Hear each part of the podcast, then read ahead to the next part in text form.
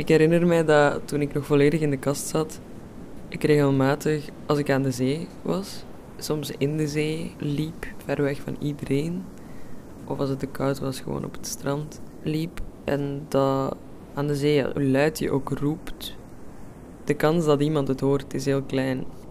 En dat ik gewoon zo op een plek ging staan waar niemand me kon horen in de omgeving. En dat ik dan gewoon super luid brilde dat ik gay was. En dat, dat was echt ontladend. Of onder water heb ik ook nog gedaan. Ja, allemaal kleine stapjes, babystapjes.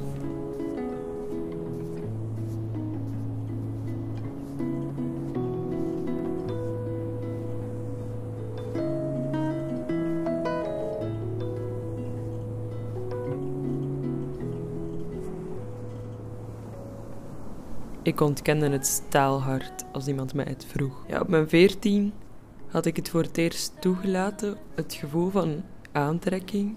En dat voelde echt alsof er zo een nieuwe emotie unlocked was. Maar ehm, dat paste niet echt in mijn leven. Het leek mij ook heel onwaarschijnlijk dat ik ADHD had, een heel slecht zicht. En dan ook nog eens niet hetero zou zijn. Ik wou het niet. Dan heb ik dat toch bijna twee jaar volgehouden om dat voor mezelf te ontkennen. En jammer genoeg ook het tegenovergestelde proberen bewijzen. Waardoor ik steeds verder van mezelf wegliep. Smile,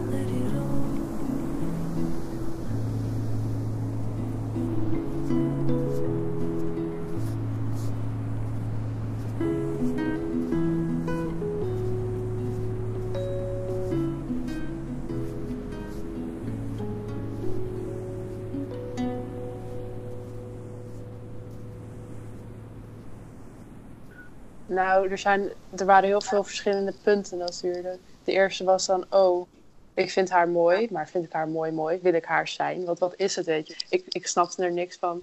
Je hoort René.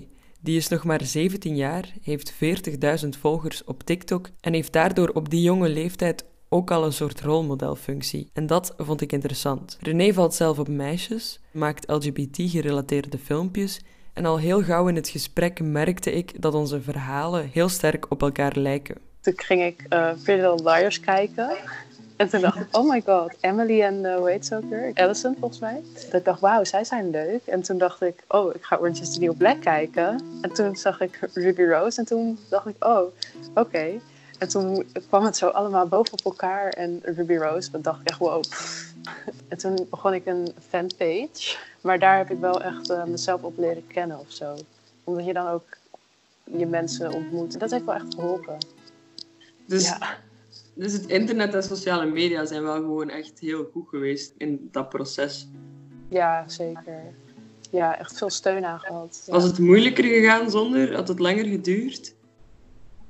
Ja, sowieso. Ja, dat denk ik wel. YouTube had ik heel veel aan in de tijd. Echt zo met mensen gaan praten en zo heb ik nooit gedaan, maar YouTube nee? kijken. Nee, ik durfde dat niet. Ik dacht dat mensen mij, mijn naam gingen te weten komen of zo, of dat dat ging leaken. Ja, same. ik had gewoon een apart Google-account waar ik alle LGBT-dingen mee opzocht. Zodat zeker niet bij gerelateerde video's of video's die je ook leuk vindt. Ja, ik, was, ik ging daar heel ver in. En waarom achteraf, als je daarover nadenkt? Ja, het is gewoon iets wat van jou is op dat moment. Dat moet je gewoon leren accepteren.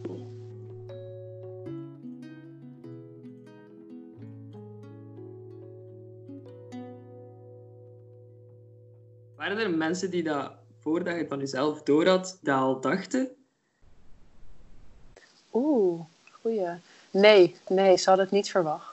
Ik was namelijk heel goed in het verstoppen ervan. En ik kan ook heel goed acteren en liegen. Dus het komt ook mede daardoor. Ik had zelfs ook een pagina voor uh, mooie jongens. Don't get me started. Ze hadden allemaal een sixpack. Ik weet niet, ik zat zo erg in mijn eigen acteerwereldje. Dus nee, ze verwachten het niet. De meesten waren zelfs van, wow, nee, dat ben jij helemaal niet. Want hoe kan je dan zo goede smaak hebben? En zo, ja, ik heb ook gewoon ogen. Ja, Kopiëren, hè? Het kopiegedrag gewoon. Ja, van... klopt wat anderen doen. En... Maar dat is echt de eerste persoon die dit ook heeft gedaan. Ik ben niet zo, niet zo ver gegaan dat ik pagina's had. Eentje, eentje.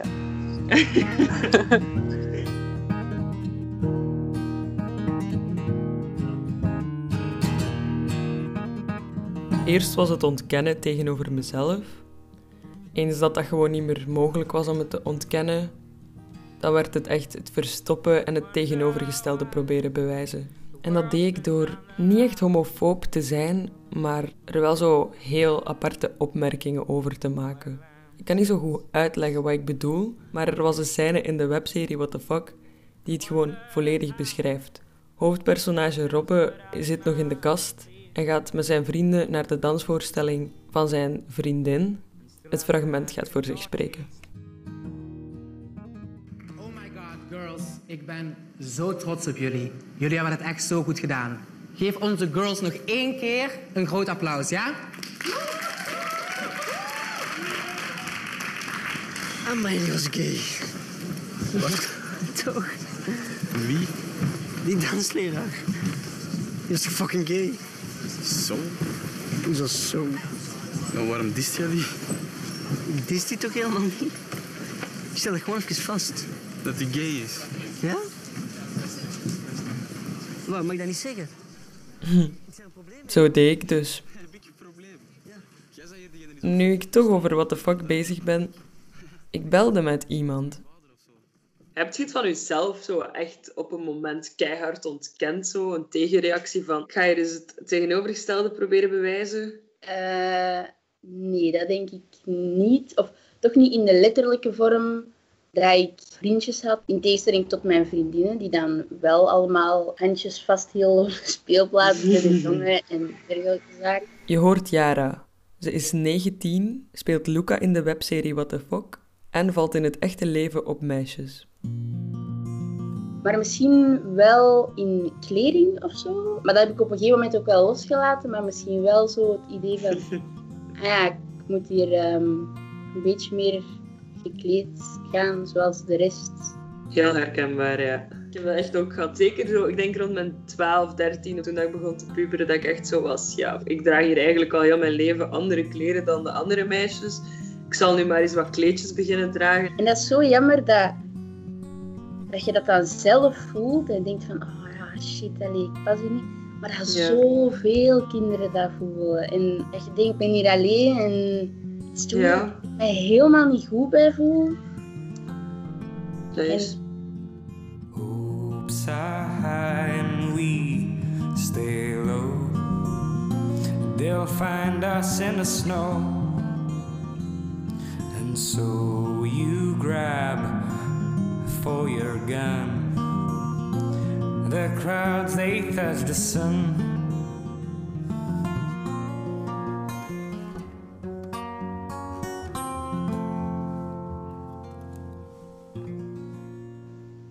Weet nog dat ik, want ik heb heel mijn leven op een uniformschool gezeten. Bij ons was het zo dat in de lagere school mochten jongens lange broeken of korte broeken dragen en meisjes mochten, mochten kleedjes dragen. En ja, vanaf een bepaald leerjaar is dat die regel gekomen dat meisjes ook in de zomer een lange broek mochten dragen. Ik weet nog dat ik toen al mijn zomerkleedjes heb weggegooid gewoon. En dat ik dan mij heel vaak de vraag stelde van ja, waarom mogen meisjes dan geen korte broeken dragen? En oké, ik snap wel allemaal binnen het kader van een uniformschool dat dat niet zo Ja. evident was. Maar ik weet dat, dat ik in het zesde heel lang de broekspijpen van mijn lange broek oprolde. Dat dat een korte broek was. En dat zag er niet uit. Hè. Dat was verschrikkelijk lelijk. Maar elke keer als er dan een leerkracht kwam en die sprak mij aan van... Ja, ehm, je bent een meisje, je mag geen korte broek dragen. Dan zei ik, dat is geen korte broek. Dat is opgerold. Dat toont echt hoe belachelijk die regel is. Ja,